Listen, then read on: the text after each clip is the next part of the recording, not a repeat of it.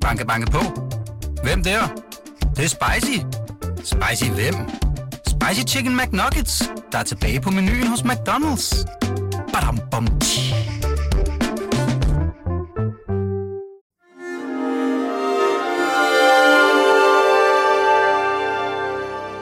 Du lytter til Avistid, en podcast fra Weekendavisen.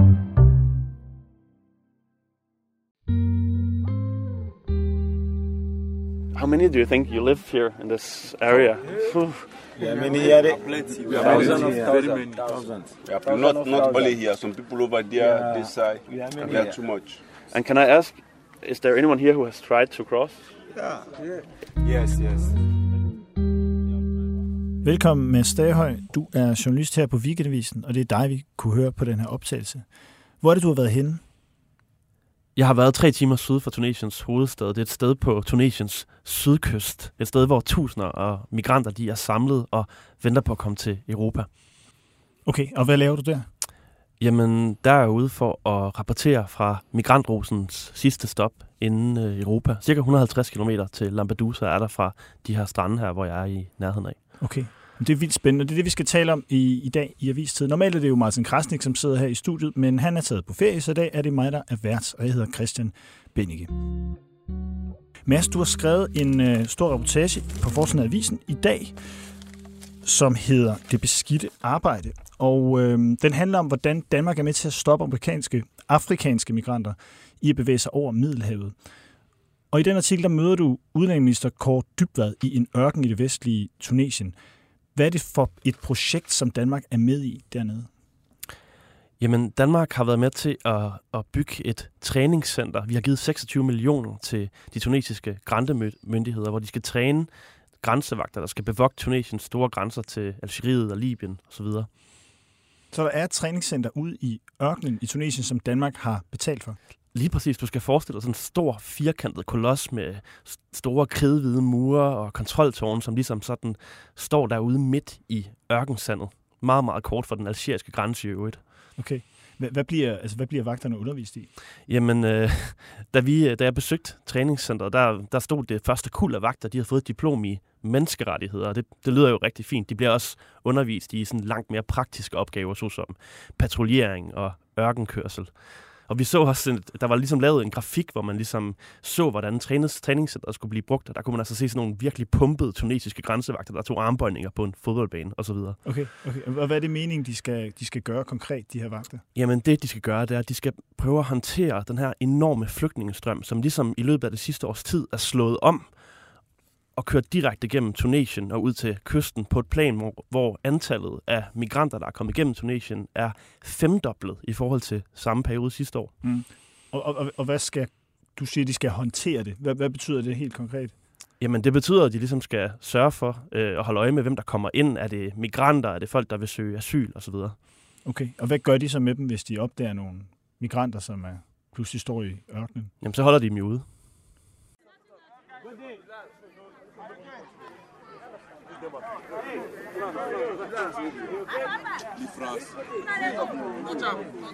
Nobody go need you. Inden du var med Kåre Dybvad ude på den her skole, så besøgte du også et andet sted, en olivenlund i udkanten af byen El Amne, hvor en masse migranter de nu opholder sig. Kan du ikke fortælle lidt om, hvad det er for et sted? Hvordan er der, og hvem er det, der er derude? Jo, det kan jeg. Altså, det er et fuldstændig, det er et utroligt sted. Jeg kunne simpelthen ikke tro mine egne øjne, da jeg kom derud. For der er en ophobning af mennesker, som slår benene væk under mig. Altså tusinder af mennesker i de her olivenlunde. Øhm, de lever uden for lands lov og ret, kan man sige. Det er en, en lille smuglerparadis, der hedder El Amra. Det er en lille landsby, og omkring den så breder de her olivenmarker sig kvadratkilometer efter kvadratkilometer. Og der står simpelthen træ på træ på træ, så langt du kan se. Og under de her træer, så bor der tusinder af mennesker. Okay. Hvor kommer de fra? Jamen, de kommer fra øh, store dele af Afrika syd for Sahara. Altså lande som Gambia, Guinea, Nigeria, Sudan osv. Og hvorfor er de, hvorfor er de endt lige der? Hvorfor er de ikke ind i byen eller et andet sted? Jamen, det er et godt spørgsmål. Altså, det der skete for nogle måneder siden, det var, at der var en enorm ophobning inde i Tunesiens anden største by, der hedder Sfax, af de her mennesker. Altså, antallet voksede helt vildt, og så kom det til ja, altså nærmest borgerkrigslignende tilstanden mellem dem og lokalbefolkningen. Efter det skete, så, så indtraf der en række af virkelig voldsomme begivenheder. Der var deportationer fra de tunesiske myndigheders side af de her mennesker ud til grænseområderne. Dem, der ikke blev deporteret, de blev så tvunget ud i de her olivenlunde af myndighederne, hvor de så er den dag i dag. Okay. Der er jo også opstået en mini-geografi inden for de her olivenlunde, hvor de forskellige afrikanske migranter, de deler sig ind efter sproggrupper. Og nogle gange så slås de her sproggrupper mod hinanden. Ikke? Altså, de er jo desperate, de støder sammen. Um, altså, det, um, det overraskede mig, at der kunne være sådan en lovløs plet på kortet. Er det kun mænd, der er derude? Altså, størstedelen af de personer, jeg har set derude, er mænd. Men jeg så altså også øhm, kvinder. Ingen gamle, skal det siges, men jeg så kvinder. Og endda en kvinde med et spædbarn. Okay. Et helt et, altså nyfødt spædbarn? Altså, få dage inden var barnet blevet født, og nu var hun så der under et af oliventræerne, ude af stand til ligesom at give sit barn med. Okay.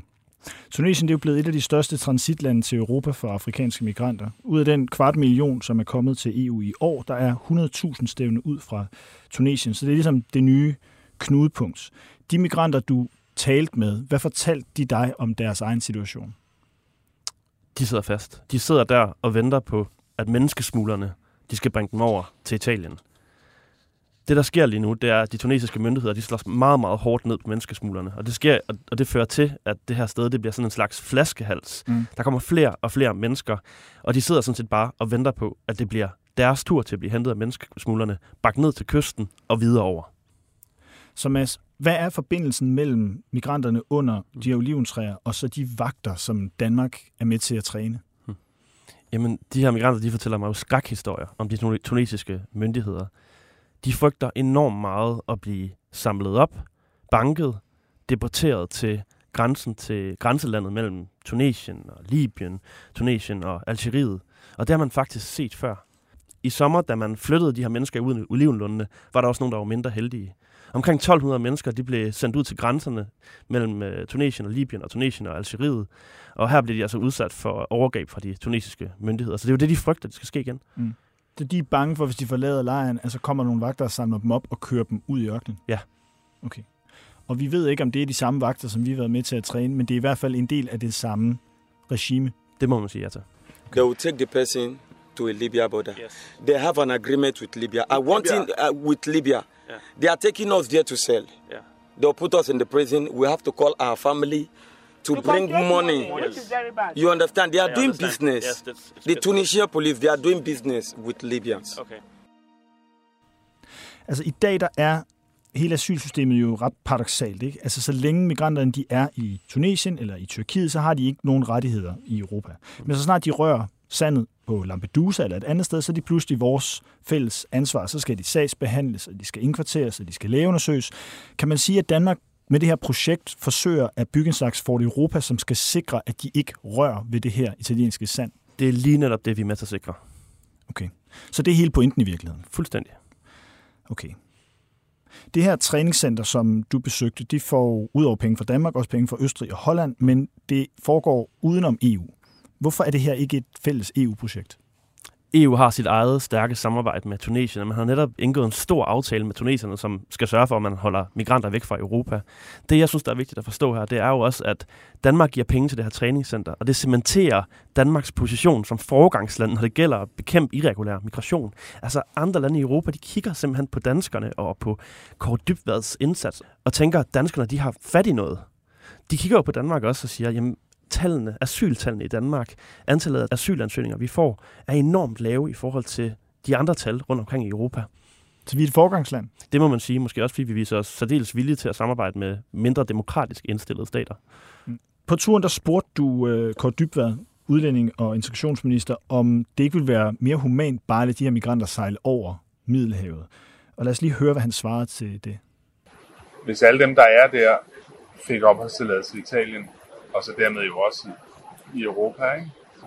det vil jo betyde, at de kommunikerer jo på samme måde som os, og, og derved vil, vil man jo meget hurtigt vide i de lande, hvor de kommer fra, at adgangsvejen er helt åben.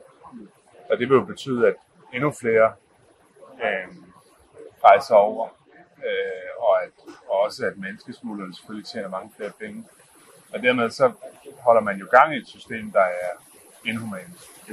Altså, så, så det er jo det, der, der er det store paradoks her, det er, at det, der kan være humant for en bestemt gruppe af mennesker, kan ende med at være mere inhumant, fordi flere mennesker bliver udsat for de samme vilkår. Det er en meget autentisk lydoptagelse fra din mobiltelefon i, øh, i, i Tunesien. Humant for den enkelte måske, men inhumant for et større antal. Du har kaldt din reportage det beskidte arbejde. Har ministeren ikke grundlæggende ret i, at der er nogen, der er nødt til at lave det her stykke beskidte arbejde?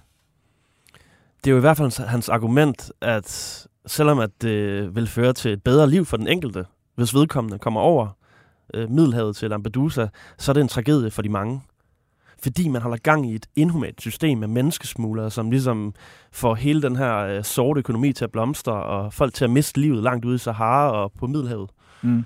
Fordi det handler om det, som ministeren også tidligere kaldt incitamentstrukturen. Ikke? Præcis, eller en pull-faktor til Europa. Ikke? Jo flere du redder, jo flere kommer der. Jo flere du lader komme over, jo flere du giver gode liv og rettigheder, jo mere attraktivt bliver det at tage rejsen, og så er der endnu flere, der dør. Er det ikke grundlæggende rigtigt? Det er lige præcis det, han siger.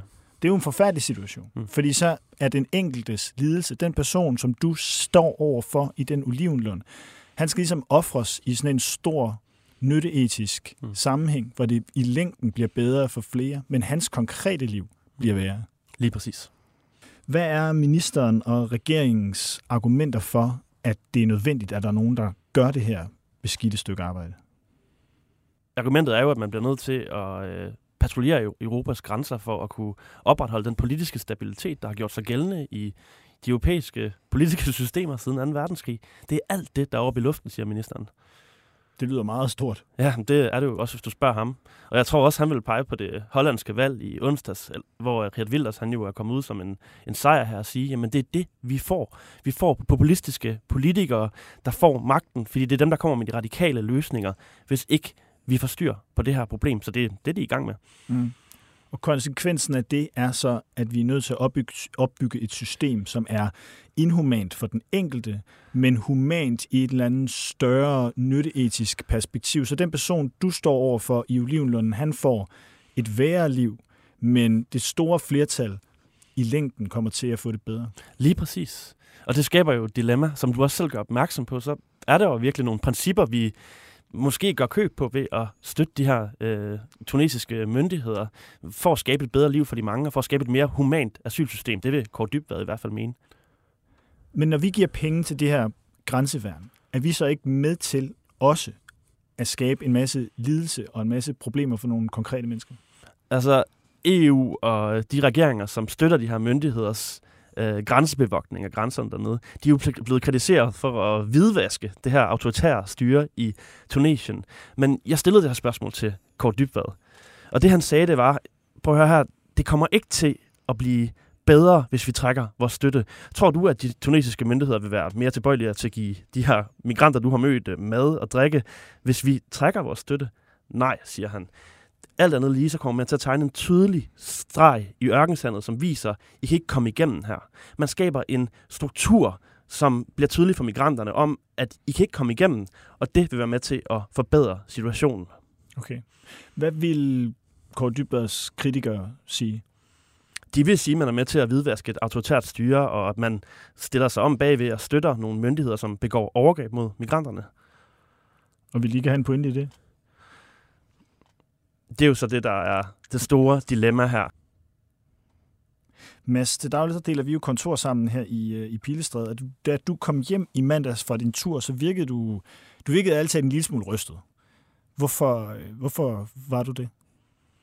Det var jeg, fordi det faktisk øh, overraskede mig enormt meget, hvor ukontrollerede forholdene var dernede jeg har selvfølgelig hørt historien om, hvordan det er inde i naboen Libyen. Det har man hørt om igennem mange år. Men jeg anede ikke, hvor fremskredent problemet var i Tunesien. Jeg anede ikke, hvor ekstreme forholdene var derude for de her mennesker, som jeg mødte, og øh, det chokerede mig. Mm. Var der et eller andet, der gjorde særligt indtryk på dig?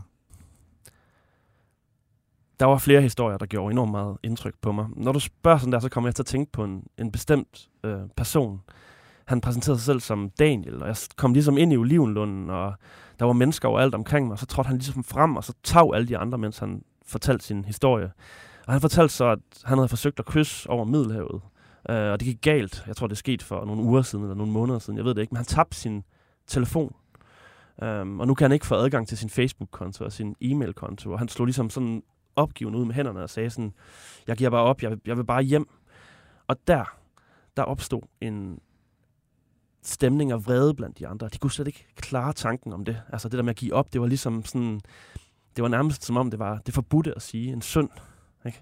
Det gjorde enormt meget indtryk på mig. Kan de tage hjem? De kan faktisk godt øh, indrullere sig i et frivilligt hjemsendelsesprogram, men hvad har de at vende hjem til, vil de sige, hvis du spurgte dem? Altså, de kan sige til de tunesiske myndigheder, vi vil gerne hjem, og så bliver de sendt hjem. Der er et program gennem IOM, International Organization of Migration, som kan gøre, at de kommer hjem, ja. Okay. Men de vil jo mene, det er en umulighed. Hvorfor er det en umulighed at tage hjem igen? Fordi at vilkårene er så dårlige for dem.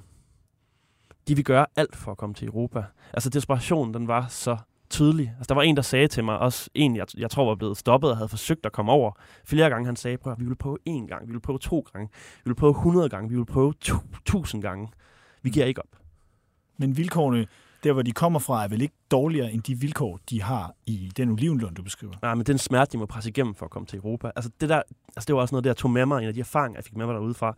Altså det var ligesom sådan ønsket om at komme til Europa, det var ligesom blevet en form for altså, drift. Det var ikke en mulighed at vende om. Altså, de, de var klar til at risikere alt for det, de her unge mænd, jeg mødte. Hvor længe de kan opretholde den gejst, det, det ved jeg ikke, for de lever jo af saltvand derude blandt andet, og har svært ved at skaffe mad. Så det er jo så spørgsmålet. Jeg, jeg vil jo ligesom følge med i, hvad der sker i den der olivenlund. Hvad er den vildeste drøm om, hvad de kan lave i mulighedernes land? ja, der var en af dem, han... Øh, jeg spurgte ligesom, hvad er det så, du drømmer om, ikke? Han ville gerne være mekaniker. Han lyste op, da han sagde det. Ikke? Han stod derude og lyste op. Det var en helt, helt utroligt. Er der nogen af dem, der har, altså er de uddannet? Kan de, er de, har de håndværkere? Kan de, kan de lave noget? Jeg snakkede med en sygeplejerske, blandt andet. Ikke? Men altså, jeg vil så også sige, ligesom, når du stiller de her spørgsmål, sådan, det at være i den der olivenlund, var meget, det var meget svært for mig ligesom, at indsamle materiale, fordi det skete under et, et stort pres. Jeg følte mig ikke sikker derude. Altså, der var simpelthen kaos derude. Så mange af de der spørgsmål om præcis øhm, deres uddannelsesniveau og de her ting, dem fik jeg ikke med, fordi det var så, øh, altså det føltes anspændt arbejde der, ikke? Men samtidig så siger du også, at de fleste af dem jo næppe har krav på asyl i Europa. De er økonomiske migranter, de er lykkeridere. Og samtidig siger du, at de har en mulighed for at vende om. Altså, de, der er en, mm. en bil eller en fly, et fly, eller hvad det kan være, som mm. kan sende dem mm. hjem igen det virker mærkeligt, synes jeg. Men det er jo det, jeg må bare må gentage. De vil ikke hjem. De har ikke noget at vende hjem til. Altså, der er ikke noget. Okay. Hvad er udsigterne for de migranter, du mødte i Olivenlunden? Udsigterne er enten at blive deporteret til grænselandet til Libyen eller Algeriet. Det er at være heldig at komme til Italien. Eller det er at øh, ende i øh, Middelhavets bølger, og så i sidste ende skylle op på strandene og blive ført ud til den kirkegård, der ligger i et industrikvarter, jeg besøgt, hvor øh, graveren han øh, indgraverer to bogstaver på øh, gravstenene. AF for Afrika, og så et nummer. Tak skal du have, Mads Daghøj. Vi når ikke mere i dag. Avistid med Hans og Arne er tilbage igen i næste uge, og det er Martin Krasnik også. Og man kan høre hele masse reportage inde på weekendavisen.dk, hvor man i øvrigt kan høre alle vores artikler, inklusiv i øvrigt en artikel, jeg har skrevet om Gert Wilders store valgsejr i Holland, som i høj grad handler om noget af det samme, som vi har talt om her i dag. Mit navn er Christian Benike, og programmet var tilrettelagt og produceret af Birgit Nissen Pedersen.